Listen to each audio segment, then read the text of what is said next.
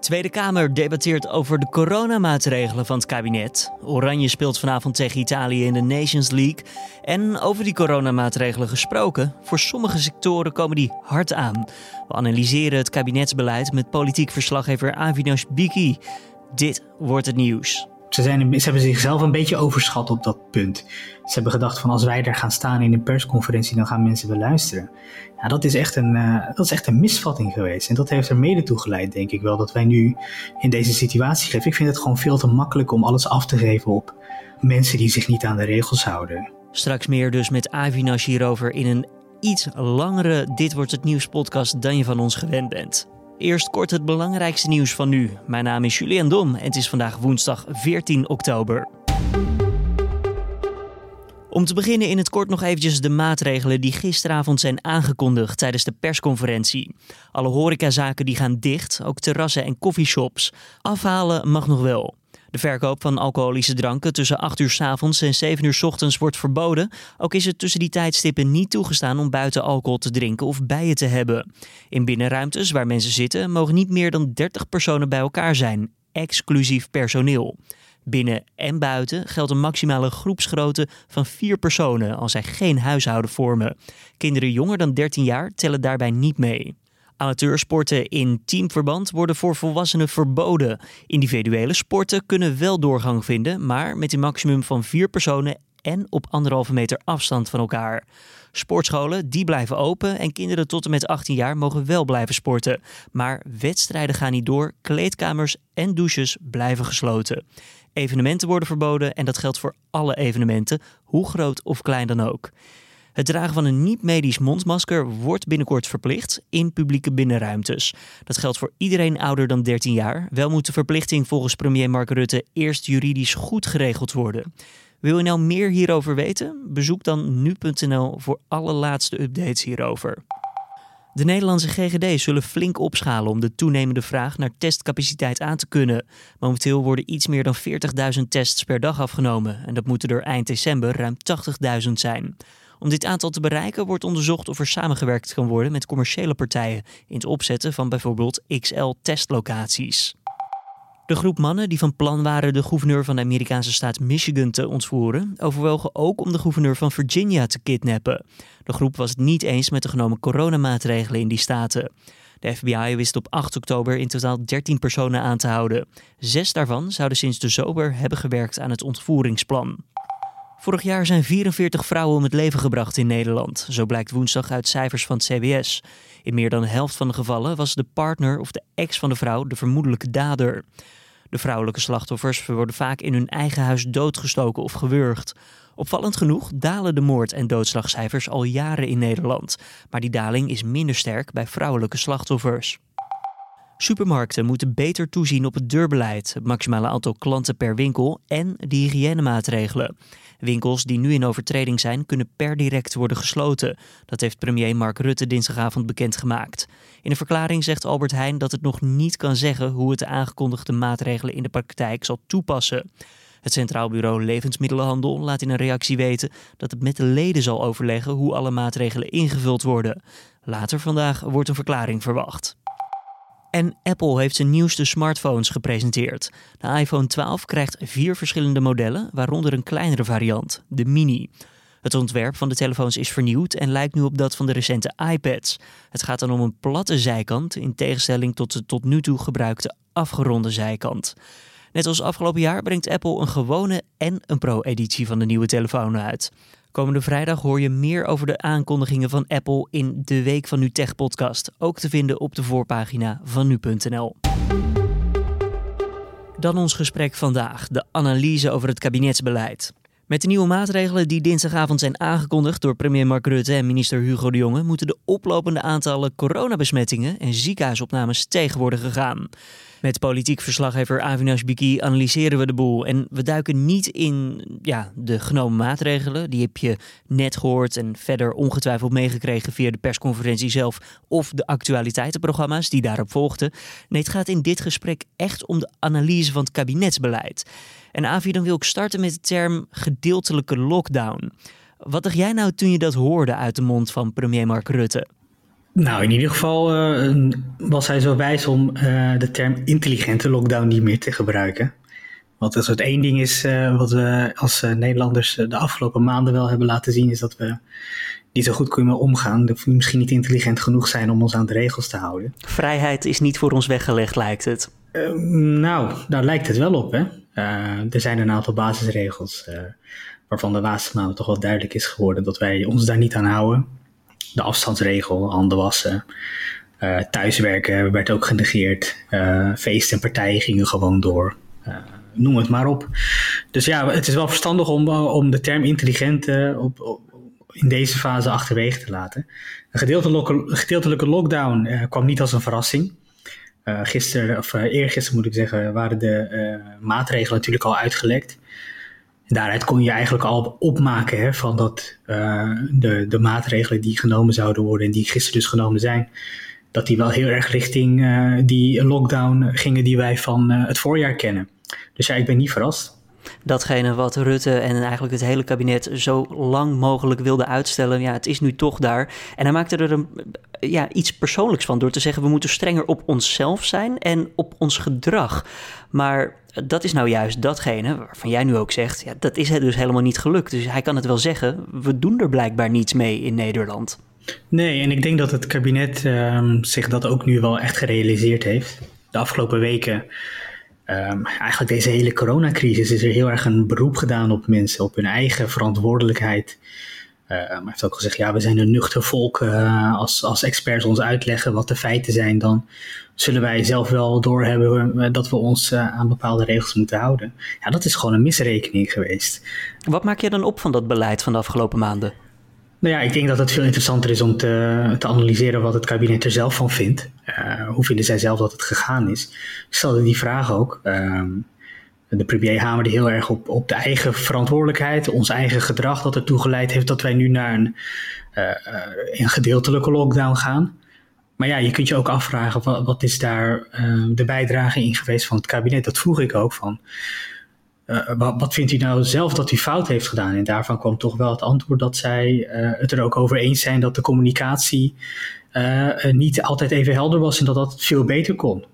dat er veel onduidelijkheid is over de maatregelen die de afgelopen weken zijn aangekondigd in de hoop om ja, die curve weer om te buigen, wat niet gelukt is. Nou, ik denk bijvoorbeeld aan de mondkapjesplicht. Uh, daarvan was gezegd van heel lang gezegd dat is niet nodig, geen wetenschappelijk bewijs, we gaan het niet doen. Nou, daar kwam dus opeens dan toch een advies midden in een kamerdebat een zeer dringend advies, maar geen plicht. Nou, uh, ik weet niet hoe het bij jou in de supermarkt was, uh, maar bij mij uh, zie je toch ook dat dat, dat dat veel te vrijblijvend was. Maar je kan ook denken aan groepsgroottes, de uitzonderingen die er gemaakt zijn voor de ene theaterzaal, de andere concerthal. Het was één grote weerwar, jongen. Als ik naar die persconferentie keek, dan ik dacht bij mezelf van, ik ging nog wel eens naar de bioscoop. Van, telt dat dan nou er wel onder? Valt het er nou niet onder? Hoe zit het dan? Ja. Het was gewoon niet duidelijk wat je zegt, ja. Ja, ik hoorde van iemand die werkte uh, bij Binnenlandse Zaken, uh, dat hij overleg had wat met ambtenaren uit van Veiligheid en Justitie. En dat hij ze toen vroeg van, kan jij mij vertellen wat uh, het beleid in de regio Den Haag is? En dit zijn ambtenaren die, de, die, de, die in het hele voortraject zitten en de maatregelen bedenken. En die konden het zelf ook niet uitleggen.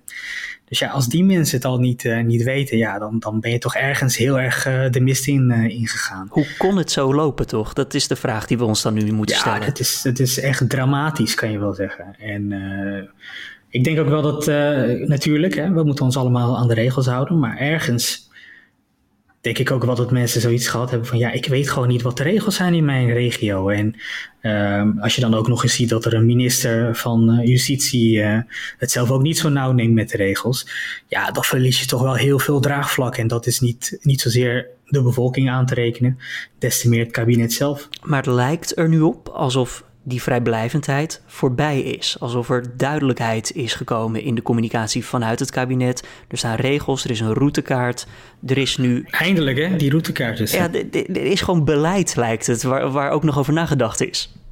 Ja, dus uh, er was ook vanuit de Kamer een oproep van maak het beleid nou voorspelbaarder. Maak het nou, uh, bied mensen nou perspectief van als, de, als het dashboard door een bepaalde signaalwaarde gaat, uh, wat voor, wat voor alarmbellen gaan er dan af en wat moeten we doen? Um, terwijl nu was het toch wel iedere keer weer wachten op een persconferentie. Wat gaat het kabinet doen? Uh, dat is altijd spannend en uh, je krijgt ook altijd discussie over wat, wat werkt nou, wat werkt nou niet. Uh, wat is nou verstandig om te doen en niet. Ja, dat, dat is gewoon niet goed voor, voor, voor de duidelijkheid. En daarvan moeten we natuurlijk even afwachten. Er ligt nu een routekaart. Um, dat moet dus, uh, uh, dan, dan is, het, is, het, is het land opgedeeld natuurlijk nog steeds in die veiligheidsregio's. En er zijn vier in plaats van drie uh, risiconiveaus. Um, ja, we moeten even afwachten. Hè? het duurt nog even voordat deze curve platgeslagen is. Ehm, maar het wordt dan heel interessant om te zien als, als, als het dan eenmaal de cijfers omlaag gaan en je kunt eenmaal afschalen hoe dat dan in zijn werk gaat, blijft die duidelijkheid dan nog wel aanwezig. Um, ik heb een blik geworpen op die uh, routekaart. Ik vond het wel duidelijk. Um, je weet nu wel wat, wat je te doen staat. Het is alleen even afwachten of dat voldoende is om, uh, ja, om, om die hamer, hè, om dat effect echt te bereiken. Ja, dat is de nieuwe term van Rutte. De, een, een, een hele grote hamer. Ja, eerst was, eerst, eerst was, uh, was het flatten the curve, hè? dat moesten we doen. En nu moeten we het met een hamer plat slaan. Dat is allemaal beeldspraak. Denkt hij dat zelf op het moment of zo? Of waar komt zoiets vandaan, denk je? Nee, ik, ik, geloof, ik geloof dat dit een, uh, een term is die, um, die bekend is in de, uh, in de coronawereld. Mensen die zich daarmee bezighouden. Dus de hamer gebruik je dan om het plat te slaan, hè, die curve. En wat volgt is dan een dans met het virus daar passen dan verschillende maatregelen bij. Als het ergens opleidt, nou, dan moet je je dans een beetje aanpassen. Dus dat is het idee van de hamer in de dans. Dus het is nu wel duidelijker, voorspelbaarder. Eh, en ook belangrijk, dat zei jij net, hè, over die uh, vrijblijvendheid. Uh, dat is natuurlijk ook heel belangrijk, want er zijn gewoon mensen die zich wel aan de regels houden. Er zijn ondernemers die hun, die hun, die hun horecazaak of hun winkel dusdanig hebben ingericht dat het allemaal coronaproof zou moeten zijn. En zij zijn nu ja, het grootste slachtoffer van hun eigen, ja, weet je, hun eigen goed gedrag heeft er niet toe geleid dat zij open mogen blijven. Dat is natuurlijk heel zuur. En die mensen, voor die mensen is het ook zoiets van, ja, waarom ga ik dicht en waarom worden de overtreders niet beboet?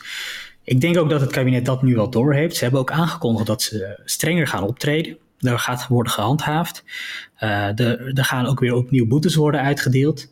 Wat ook nog uh, gisteren bekend werd, is dat mensen de oproep van het kabinet om bij klachten thuis te blijven, ja, toch wel massaal negeren. Mensen gaan toch naar buiten. Zelfs mensen die positief getest zijn, gaan naar buiten. Je vroeg daar ook nog naar van, wordt het dan niet tijd voor een quarantaineplicht? Dat had het kabinet ook al een paar weken geleden aangekondigd. Hè, van, word je positief getest, dan moet je verplicht in quarantaine. Maar hoe kan je zoiets controleren? Nou, dat moet wel kunnen, als je dat ook maar wil. Denk je dat die daadkracht er is in dit kabinet momenteel? De, om, om, daar ook op door te zetten en zo'n controle uit te voeren? Om die quarantaineplicht? Bijvoorbeeld. Nou ja, ik heb het niet verzonnen. Hè? Hugo de Jonge kwam er zelf mee. Uh, hij had gezegd, er komt een quarantaineplicht. Hij zei ook dat er voldoende testcapaciteit zou zijn.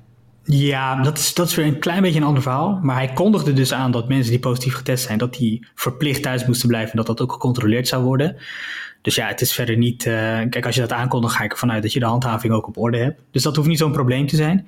Ze willen er nu alleen nog even niet aan, uh, want het is toch wel een vergaande maatregel. Ze willen nu even kijken van werkt dit pakket goed? Gaan mensen nu wel luisteren? Blijven ze nu wel thuis? Maar hij sloot niet uit. Hij zei wel van er wordt al uh, juridisch bekeken hoe we, dat, hoe we dat kunnen doen, hoe we dat kunnen regelen. dus het is zeker nog een optie die boven de markt hangt. En ik denk ook wel dat het wel zo eerlijk is naar mensen die zich wel aan de regels houden wel boodschappen gaan doen. Ja, die willen gewoon niet geconfronteerd worden met iemand die positief getest is. Maar de quarantaineadvies uh, aan zijn laars lapt. Maar als we dan even kijken naar die routekaarten. Um, we zitten nu in risiconiveau 4. Zeer ernstig. Ja. Daar hebben we niet alle maatregelen van genomen op het moment. Um, dus we kunnen nog als het ware binnen dat risiconiveau omhoog schalen. Maar je kan nog één trapje hoger binnen dat, uh, binnen, de, binnen het niveau waar we nu in zitten, zeer ernstig. En dat is de lockdown. En dat betekent dat echt alles op slot gaat. En dit is dus een gedeeltelijke lockdown. Uh, scholen zijn bijvoorbeeld open. Uh, sportscholen mogen ook nog open blijven, mits zij die uh, afstandsregels bewaren. Eredivisie gaat gewoon door. Dus dit is die duidelijkheid waarom mensen nu weten: hier doen we het voor. Om dat te voorkomen en om terug te gaan naar dat niveau hieronder, waar dit en dit en dit en zus en zo weer wel mag. Ja, ja. Dat, is, dat is in theorie het plan, ja. Als politiek verslaggever, als analist, ben jij nou tevreden met wat jij deze dinsdagavond allemaal hebt gehoord en hebt gezien?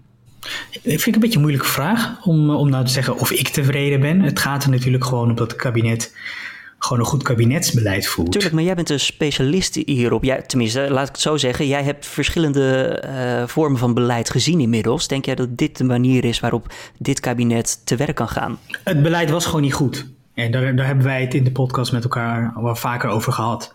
Over die onduidelijkheid en uh, over het ontbreken van perspectief. Dat is er altijd al geweest. Uh, experts uh, hebben ook gezegd in die periode dat het opleiden in Amsterdam, Rotterdam en West-Brabant eh, dat het toen veel harder had moeten worden ingegrepen. En wat het kabinet toen deed was, ze hoopten met een persconferentie een schokeffect te bereiken. Ja, dat is gewoon niet gelukt. Ze, zijn, ze hebben zichzelf een beetje overschat op dat punt. Ze hebben gedacht van als wij er gaan staan in een persconferentie, dan gaan mensen wel luisteren. Ja, dat is echt een, uh, dat is echt een misvatting geweest. En dat heeft er mede toe geleid, denk ik wel, dat wij nu in deze situatie geven. Ik vind het gewoon veel te makkelijk om alles af te geven op mensen die zich niet aan de regels houden. Beleid moet gewoon duidelijk zijn. Dat was het in het begin van de crisis. Dat is het bijvoorbeeld in Duitsland ook. Die doen het relatief goed. In, in Nieuw-Zeeland bijvoorbeeld, een, voorbeeld wat ik graag aanhaal, daar, um, daar zagen ze dat er vier besmettingen waren en ze waren toen direct, uh, grepen ze in. En wat heb je nu? Deze mensen die kunnen gewoon nu naar een rugbywedstrijd met 40.000 mensen in een stadion. Ja, en wij kabbelen nu maar voort. Mijn verwachting is een maand, misschien wel twee maanden op dit niveau. Waarbij ons leven toch wel weer drastisch wordt ingeperkt. Onze sociale contacten moeten ontzettend omlaag. En dat is gewoon niet nodig geweest. Omdat jij kan je ook wel de situatie herinneren in, in de zomer. Toen we die curve hadden platgeslagen. En dat je toen wel weer een soort van een relatief normaal sociaal leven kon opbouwen. Ja, dat, dat is gewoon niet gelukt. En daar, daar heeft, dat heeft ook te maken met het gebrek aan, uh, aan testmaterialen, testcapaciteit. Dat kan het kabinet zich aanrekenen. Uh, de GGD's zijn niet op tijd begonnen met het opschalen om het bron- en contactonderzoek uh, op orde te krijgen. Kijk, die, had de teststraat op Schiphol die uiteindelijk werd, werd afgebouwd, of in ieder geval in, tijdens kantoren uren aanwezig was het kabinet heeft niet willen. Ik weet niet of je dat nog kan herinneren. Ik vroeg, vroeg de premier van in de zomer: is het verstandig om op reis te gaan, op vakantie te gaan? Weet je wel, we zitten nog midden in een pandemie. Daar was zijn antwoord op: ik ben geen Frits Bom. Uh, ik ben niet de vakantieman, dus doe vooral wat je wil. Ja. Eigen verantwoordelijkheid. Het is absurd als je nu terugkijkt uh, hoe het kabinet toen op gehandeld heeft, is natuurlijk altijd een beetje makkelijk praten uh, achteraf. Uiteraard, maar met de kennis van maar nu. Ja, je kan, ja. je kan, ja, met kennis van nu is altijd makkelijk praten, maar die vragen waren er toen ook al. Die vragen waren er, die leefden niet alleen bij mij, leefden ook bij experts bijvoorbeeld, uh, die zich verenigd hebben in het Red Team, maar ook in de Tweede Kamer. PvdA-leider Lodewijk Asscher die heeft toen uh, gevraagd of de Tweede Kamer terug kon komen van reces, omdat hij toen ook al zag van dit loopt gaat helemaal de verkeerde kant op. Avi, als laatste vraag, anders lopen we heel erg uit uh, met dit gesprek. Maar hoeveel fouten mag dit kabinet nog maken, denk jij? Ja, weet je, van mij mogen ze uh, veel fouten maken. Ik bedoel, we zitten midden in een crisis. Dus uh, ik denk niet dat iemand een draaiboek heeft klaar liggen voor hoe je een pandemie op deze schaal hoe je dat moet aanpakken, hoe je dat sociologisch moet aanpakken, hoe je dat psychologisch moet aanpakken. Kritiek vanuit de oppositie wordt wel sterker en, en ja, gehooriger. Ja, maar ik denk ook wel, althans dat is wel wat ik gehoord heb bij het debat over de coronawet vorige week. Toen was ook wel de kritiek, testbeleid is een drama. Bron- en contactonderzoek is een drama, communicatie is een drama. Tegelijkertijd neemt een deel van de oppositie dat het kabinet niet kwalijk, mits ze maar gewoon eerlijk zijn. Mits ze toegeven, dit is fout gedaan, gegaan, dit hebben we geleerd en dit gaan we opnieuw aanpakken. Gisteren heb ik dat wel bij de persconferentie gezien, een stukje van dat reflectie, maar het is maar een heel klein beetje. Ik denk ook wel dat het belangrijk is voor het draagvlak als het kabinet zich wat kwetsbaarder opstelt en zegt: dit en dit hebben wij fout gedaan, dit hebben wij geleerd. En dit is het nieuwe beleid hoe wij uh, ervoor willen zorgen dat we die uh, tweede golf gaan platslaan. En dat we gaan voorkomen dat we naar een gehele lockdown gaan. Maar toch ook wel dat we uiteindelijk weer een beetje terug kunnen naar een normaal niveau, een normaal sociaal leven. In ieder geval totdat er een vaccin is. Avinash Biki, politiek verslaggever hier bij nu.nl. Dankjewel voor de analyse. Dan verder nog eventjes de nieuwsagenda voor deze woensdag. Het is inmiddels zowat traditie na een coronapersconferentie. De Tweede Kamer debatteert dan namelijk over de bekendgemaakte coronamaatregelen. Dat gebeurt vandaag vanaf drie uur vanmiddag. In aanloop daarop praat RIVM-baas Jaap van Dissel de Kamerleden vanochtend al in een technische briefing bij. En uiteraard lees en zie je de hoogtepunten daarvan op nu.nl. De Nederlandse Oranje Mannen die spelen vandaag in de Nations League tegen Italië. Dat zou in eerste instantie in Milaan gebeuren, maar de ploegen wijken uit naar Bergamo. Dat is een symbolisch gebaar omdat die stad zo zwaar getroffen is door de coronacrisis. Vorige maand verloor Oranje nog met 0-1 van de Italianen. Huidig trainer Frank de Boer ziet desondanks kansen, maar wilde tot nu toe niks kwijt over zijn tactiek. De pot voetbal die begint vanavond om kwart voor negen. De 19-jarige man die afgelopen februari op zijn drie familieleden instak in Alfa aan den Rijn hoort vandaag welke straf hij krijgt. Zijn 16-jarige neef overleefde het niet. De verdachte pakte naar eigen zeggen het mes uit zelfverdediging. Hij was in de war en dacht dat er geen andere uitweg was. Het OM heeft jeugd-TBS tegen hem geëist. Voor het weerbericht van deze woensdag schakelen we even over naar Alfred Snoek van Weerplaza. Er is vandaag veel bewolking aanwezig, toch probeert ook wel af en toe de zon door te breken. In het noordwesten van het land kan een enkele bui vallen. Verder blijft het vandaag droog. Er waait een matige noordoostenwind, windkracht 4. En in het noordelijk kustgebied is de wind zelfs windkracht 5. De temperatuur komt uit op maximaal een graad of 12. Dankjewel, Alfred. En dit was dan weer de Dit wordt het nieuws ochtendpodcast. Deze keer een iets langere uitzending dan je van ons gewend bent. Het is woensdag 14 oktober. Tips of feedback zijn welkom. Stuur het naar podcast.nu.nl. Collega René van der Brink die is vanmiddag weer met de middageditie van deze podcast. En morgenochtend om 6 uur vind je weer een nieuwe ochtendvariant. Mijn naam is Julian Dom. Tot dan.